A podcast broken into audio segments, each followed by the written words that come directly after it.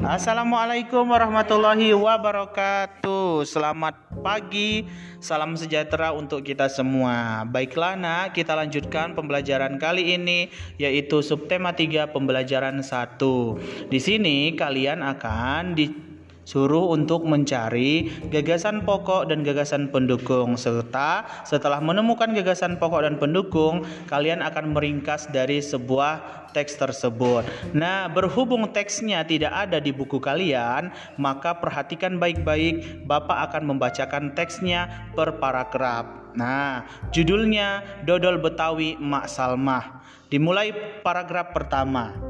Sebentar lagi kota Jakarta akan berulang tahun, seperti tahun-tahun sebelumnya. Mak Salmah menerima banyak pesanan. Mak Salmah adalah pembuat dodol tradisional Betawi di kampungnya. Biasanya ketika menyambut ulang tahun kota Jakarta, banyak pertokoan yang mengadakan festival Betawi. Makanan Betawi menjadi jajanan di festival. Kerak telur, bir pletok, dan dodol Betawi menjadi primadona makanan dalam menyambut Dirgahayu Jakarta.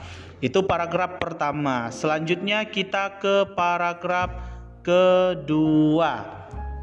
Sudah sejak seminggu yang lalu, Mak Salmah bekerja keras. Ia dan beberapa ibu-ibu tetangganya membuat adonan dodol ketan, gula merah, gula pasir, dan santan dicampur menjadi satu. Membuat dodol Betawi membutuhkan kerjasama.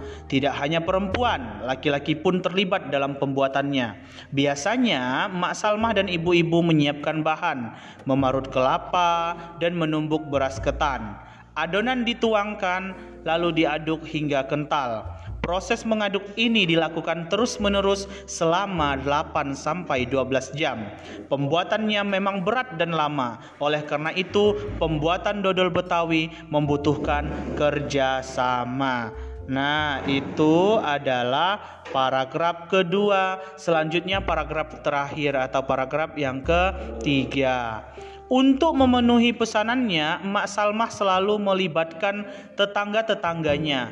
Mak Salmah ingin rezeki yang diperolehnya dari dodol Betawi tidak dirasakannya sendiri. Mak Salmah juga ingin dodol Betawi selalu dikenal.